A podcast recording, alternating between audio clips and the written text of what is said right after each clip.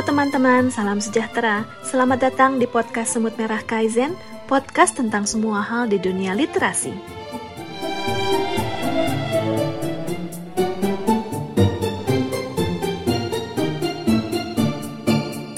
Halo semua, aku Vivi. Dan aku Kino. Kita berdua adalah alumni kelas menulis Kaizen di Lestari yang akan jadi host episode kali ini. Hari ini, kita punya dua segmen yang akan membahas tulisan salah satu anggota komunitas Semut Merah Kaizen. Segmen pertama akan mengulas kumpulan cerita tersebut. Dan segmen kedua adalah wawancara bersama penulisnya Opi Nurwicaksono. Dengerin yuk!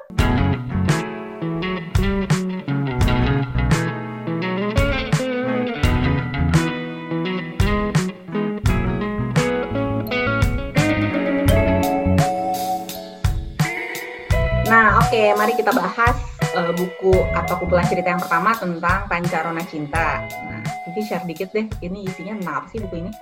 Setelah aku baca itu sebenarnya banyak banget sih yang bisa di-share, Mbak. Ada cerita-cerita itu yang benar-benar ada pesan-kesan yang bisa kita pelajari gitu. Dan cerita-cerita yang dari Pancarona Cinta itu benar-benar cerita yang berbagai warna gitu, Mbak.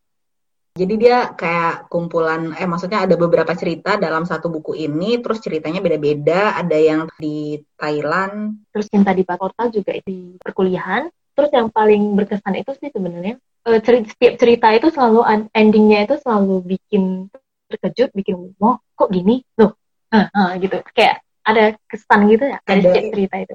Iya benar-benar kayak ada, hah eh, beda gitu dari eks, bukan dari ekspektasi sih, tapi dari bayangan kita. Iya Tiba-tiba. dari bayangan. Nah, menurut Vivi, bagian apa yang paling menarik? Apakah itu tadi bagian yang paling menarik dari buku ini? Jadi yang paling menarik itu ya itu plot twistnya itu benar-benar main banget sih. Jadi kayak kita nggak nyangka gitu. Hmm. Cerita favoritmu yang mana, Vi? Kalau cerita favoritku yang itu Mbak, cerita yang terakhir. Yang kesabaran cinta. Ah, yang kesabaran cinta. Apa sih ceritanya? Eh, Maksudnya eh, ini eh, bukan spoiler, ya spoiler dikit deh. Kesabaran cinta itu isinya apa sih? Aku lupa deh.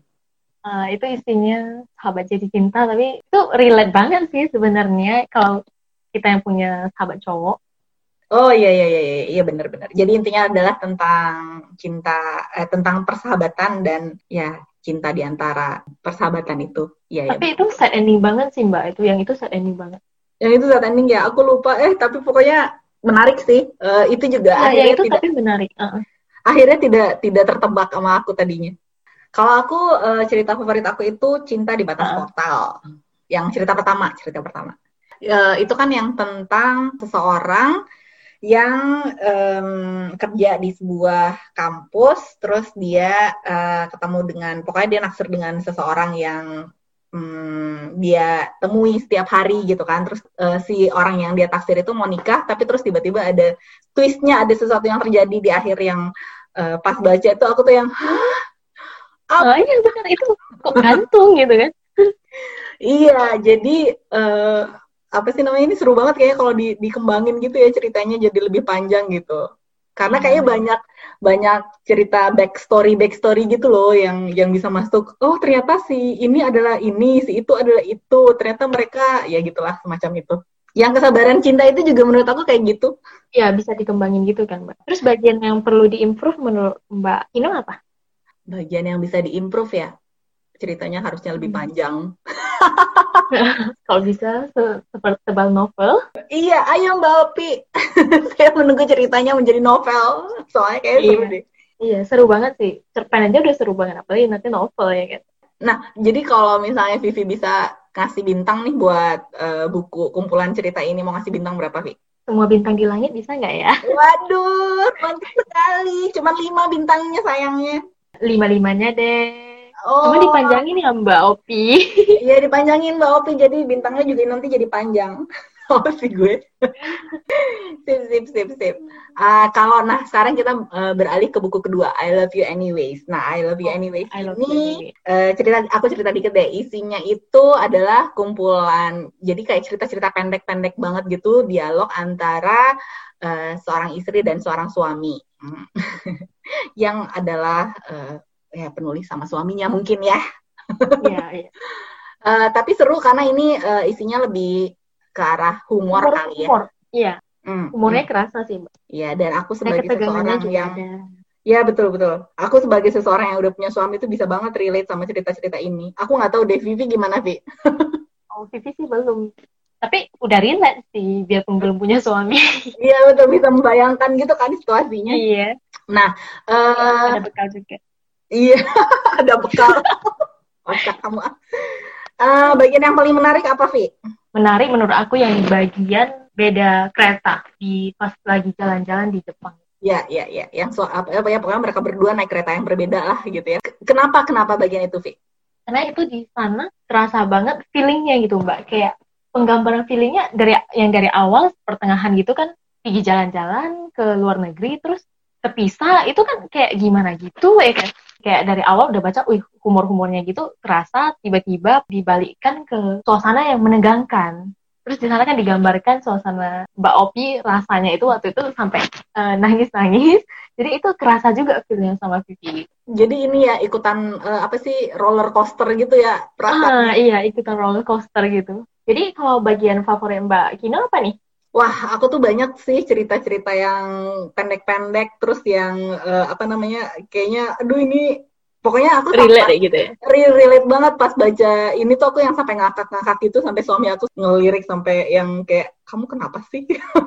Baca buku aja humornya masuk berarti ya mbak masuk misalnya ini ntar uh, ini aku bacain satu kali ya Simba, eh, aku bilang aja ya si istrinya itu adalah Mbak Opi.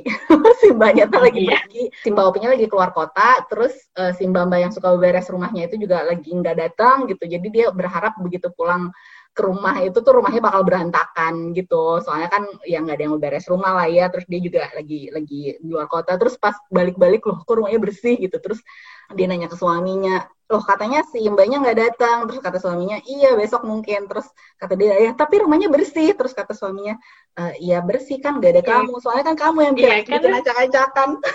Iya benar-benar itu ah, itu bagian tuh aku ingat sih yang kata suaminya Iya kan ke, uh, kamunya nggak ada, berarti kayak yang suka ngacak-ngacaknya nggak ada gitu ya kan? ya, itu tuh aku bisa relate banget karena aku tuh suka skeptis gitu kan. Kalau pergi keluar rumah tuh kayak kayaknya rumah gue balik rumah gue bakal berantakan deh. Terus tiba-tiba hah kok bersih ya? Terus disepet kayak gitu tuh kayaknya hmm ya maaf jadi banyak aku banyak juga sih gitu. itu iya kan? Uh ya, itulah. terus aku suka ini nih. Yang di bagian awal itu pengantar ceritanya ada sejenis quote kayak ini nih mbak. Yang mana ini tuh? jadi ku, uh, ku, ku bacain ya. Hmm. despite of our doubts distraction and argument we still love each other anyway gitu. Kayak oh, manis iya. banget gitu kan. Iya ini antara manis banget atau terperangkap gitu ya. Ya sudahlah terserah deh tapi ya gue aku suka yang ininya sama si ceritanya ini. Nah, menurut kamu apa uh, ada nggak bagian yang perlu dikembangkan atau yang bisa dikembangkan lebih lanjut? tambahin lagi ceritanya. bab uh, bab dua itu jilid dua ya, jilid dua. Iya jilid dua, sequel dua. Sequel dua, iya benar seru nih. Apa namanya kalau misalnya bisa ngasih rating, kamu mau ngasih rating berapa? Aku kayaknya kalau aku ngasih ratingnya empat setengah, cie empat setengah gue murah hati murah hati. Aku biasanya yeah. pelit loh ngasih ngasih rating rating bintang ini aku biasanya pelit loh cie. Hmm, kalau Bibi, kalau aku nggak pelit sih mbak aku suka kalau bisa ngasih bintang di langit semua aku kasih. Aduh, baik banget. Oke, okay, untuk I love you anyway kasihnya empat sembilan deh biar dilanjutin sequel dua dinaikin nanti. oh iya iya iya iya ya. setuju setuju setuju. Sip sip sip. Kalau gitu mungkin uh, di segmen berikutnya kita nanya langsung aja kali ya Tumba Opi ini cerita kayak gini nih dapat ide dari mana sih? Kalau I love you anyway itu kayaknya inspirasi terbesarnya pasti yayangnya Mbak Opi nih. ya kita berasumsi aja pas baca buku ini ini pasti Mbak Opi iya. atau suaminya kali ya. Padahal nggak tahu juga ya sebenarnya. Iya benar benar.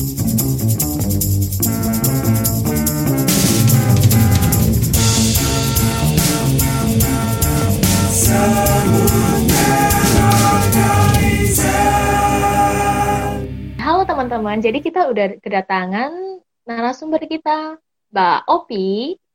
Mbak Opi, kenalkan diri dulu. Uh, saya Opi Nur Wicaksono, anggota Semut Merah Kaizen. Mbak Opi udah nulis berapa buku atau kumpulan cerita berarti, Mbak?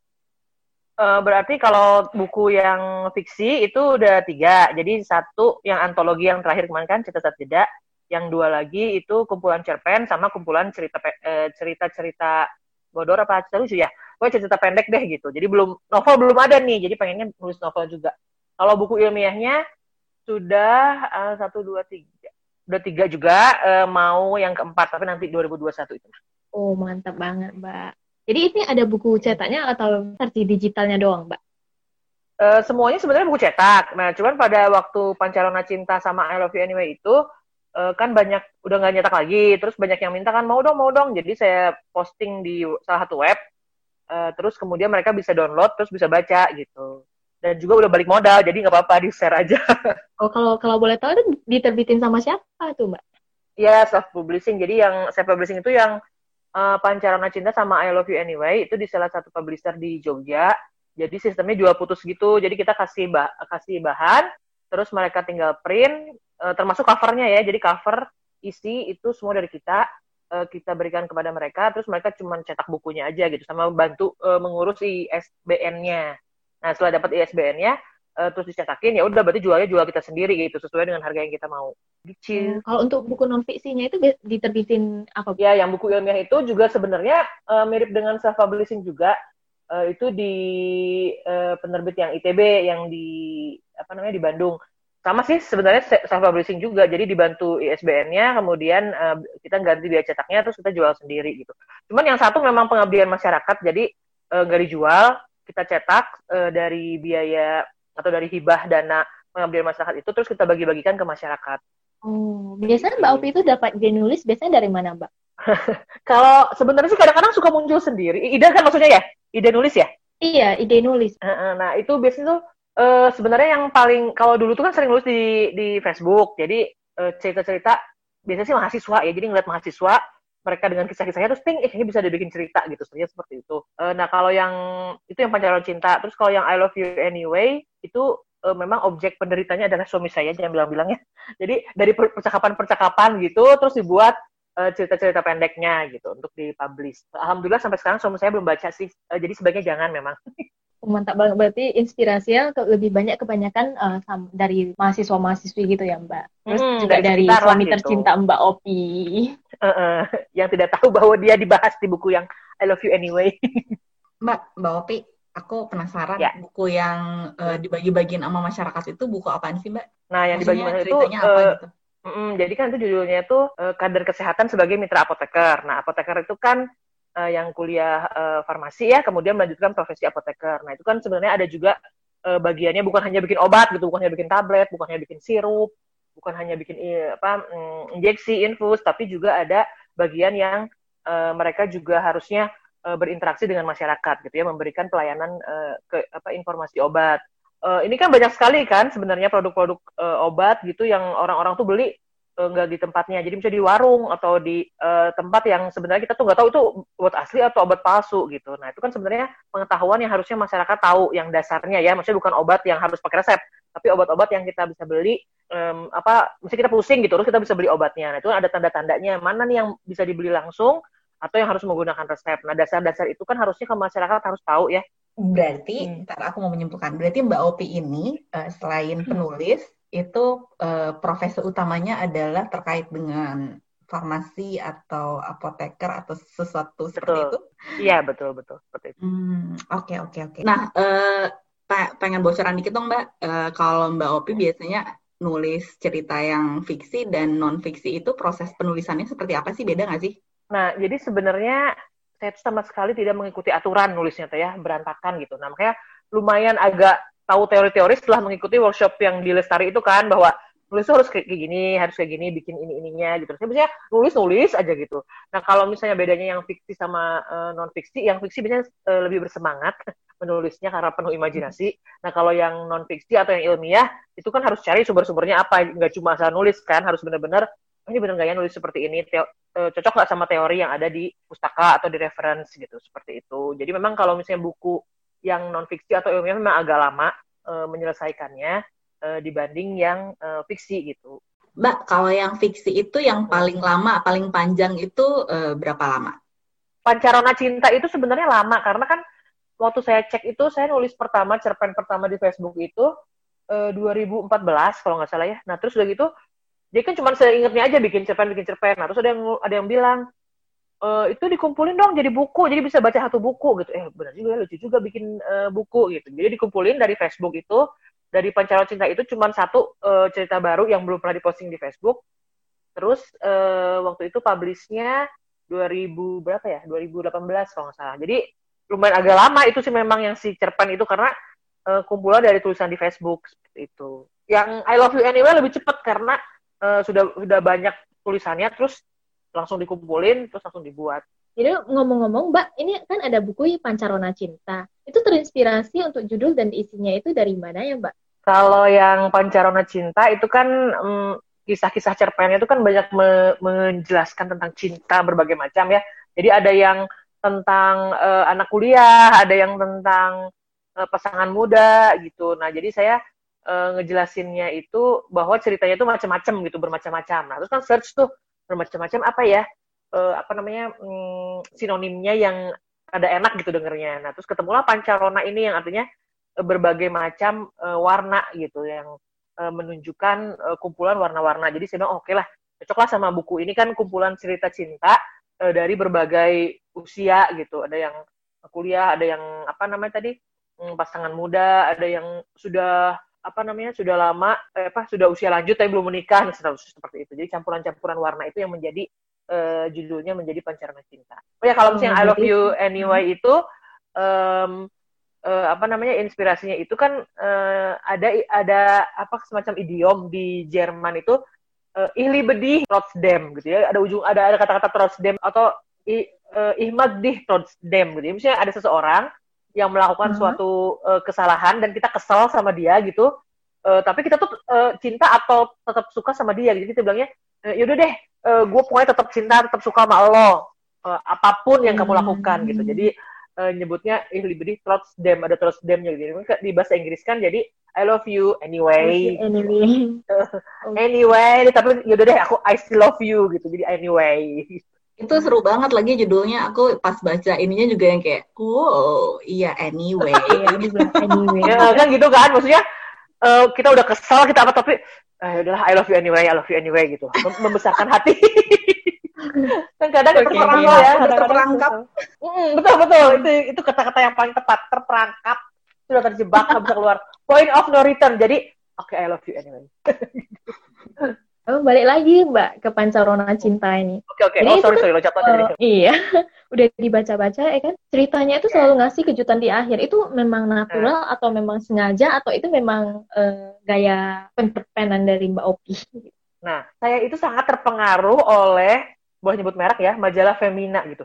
Kalau baca cerpen-cerpen oh. Femina kan gitu tuh, baca terus yeah. udah heboh terus akhirnya ih kok gini sih gitu atau ya selesai gitu. Nah, jadi saya kayaknya banyak terpengaruh oleh itu jadi gaya nulisnya seperti itu. Jadi pokoknya ujungnya itu harus yang bikin kejutan harus bikin kesel gitu. Makanya ada yang bilang kan ah baca uh, apa Pancarona Cinta uh, Opima katanya bukan cerita pendek cerita pending. Nyebelin banget kan. Iya iya kayak cerita pending benar gitu. Uh, uh, jadi harusnya uh, mungkin itu bisa jadi nerusin ke novel. Sebenarnya saya tertarik sih ada satu kisah di situ yang saya pengen nerusin ke novel gitu. Oh itu kalau boleh tahu yang yang mana yang mbak pengen nerusin ke novel itu Uh, yang pertama itu yang apa namanya uh, cinta di batas portal itu judulnya kayak FTV banget. Nah itu tuh oh. uh, banyak yang nanya gitu terusannya gimana, terusannya gimana Bagas sama uh, nah kok saya jadi lupa. Iya itu gantung itu. banget loh itu Mbak. Iya makanya oh itu uh, gimana dong terusannya jadi nikah nggak? Batalin dong nikahnya, harus segala macam tuh para pembaca ya.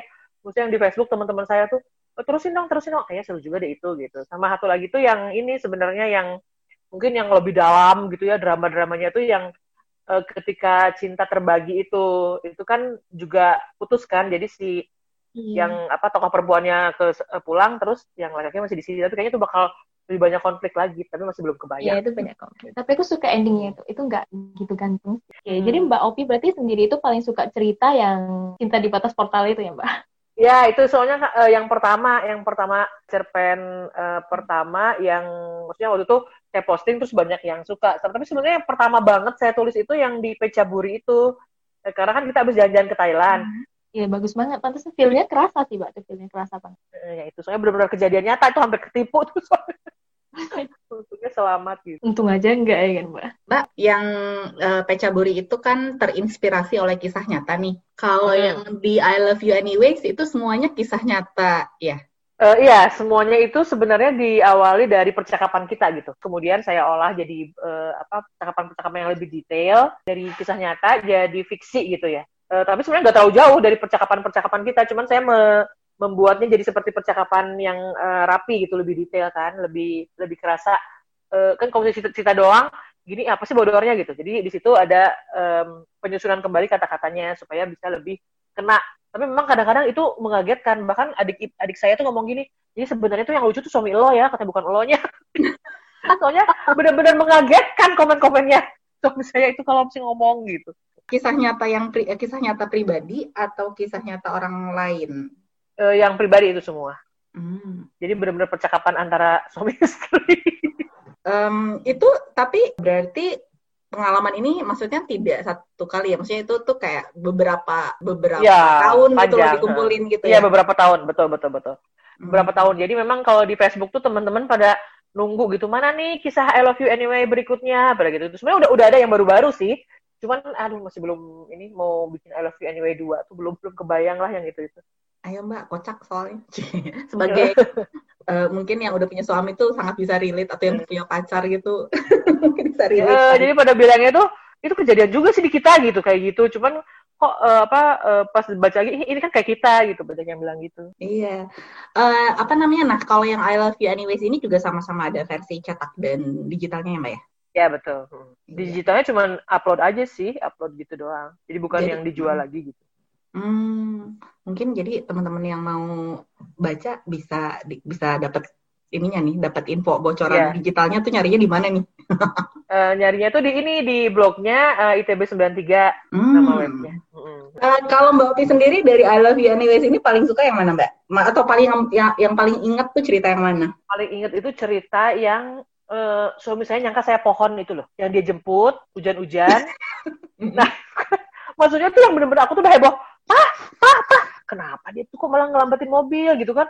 Lihat kiri kanan. Loh kan dari tadi aku udah di sini gitu. Pas udah saya saya hujan. Terus pas udah naik langsung dia bilang loh kok kamu udah di situ toh? Tadi tadi di situ gitu. Kira itu pohon. Ya Allah aku bisa ke pohon. Sebel banget. Itu kan sering kayak gitu celutukan celutukannya teh bodor.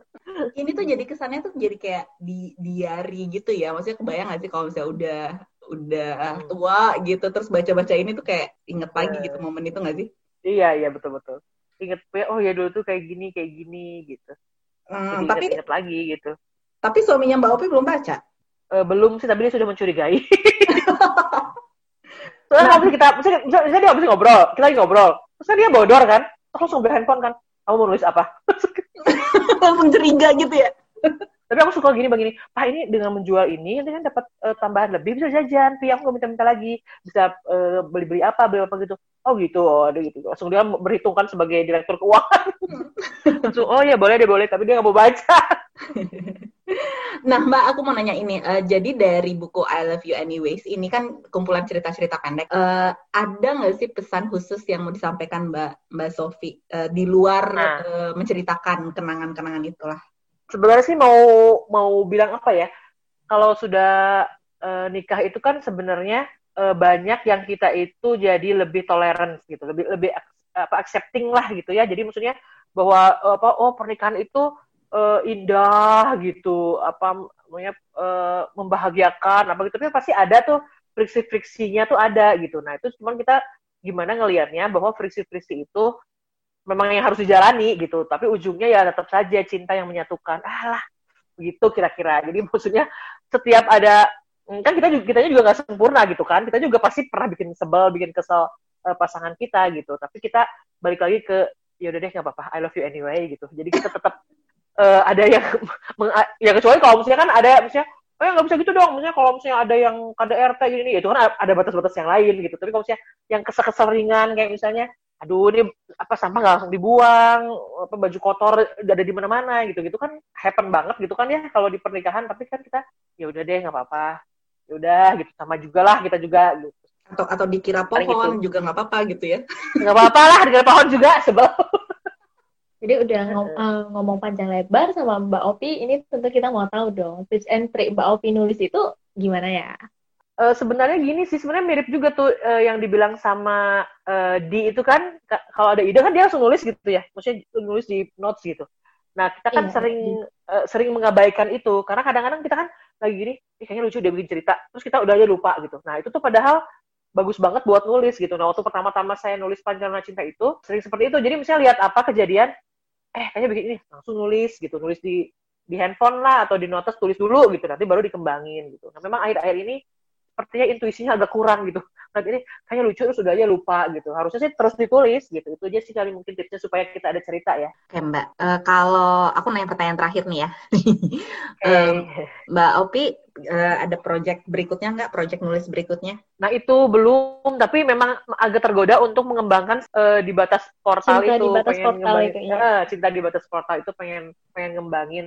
Mbak Mbak Opi ada yang mau di share lagi nggak yeah. ke teman-teman yang lain? Siapa tahu mau uh, eksibisionis lagi? uh, mungkin uh, ini aja ya kalau misalnya kita memang uh, sukanya menulis itu tuh harus dipelihara gitu, harus dijaga Eh, konsistensi menulisnya dikit-dikit aja tapi tetap harus nulis gitu karena kan sebenarnya menulis juga healing ya maksudnya kita lagi uh, mumet kusut gitu terus pas nulis dikeluarin semua itu kan jadi lebih lega gitu nah kayak uh, sepertinya menulis itu salah satu uh, yang juga um, cara kita untuk menghilangkan stres menghilangkan masalah nah cuman jangan cuma nulis aja juga harus dipikirkan kalau kita udah mulai suka menulis itu bahwa kita harus menerbitkannya gitu loh harus juga sharing ke orang lain biar orang lain juga baca karya kita. Itu aja sih kayaknya yang bisa saya sampaikan. Baiklah kalau begitu. Terima kasih banyak Mbak Opi atas waktunya. Ya, sama-sama ya Vivian. Terima kasih Mbak Opi. Thank you ya. Oke, okay, thank you Mbak Opi.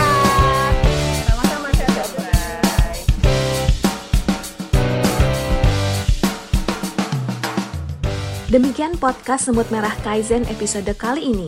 Kami tunggu komentar dan sarannya di Instagram @semutmerahkaizen.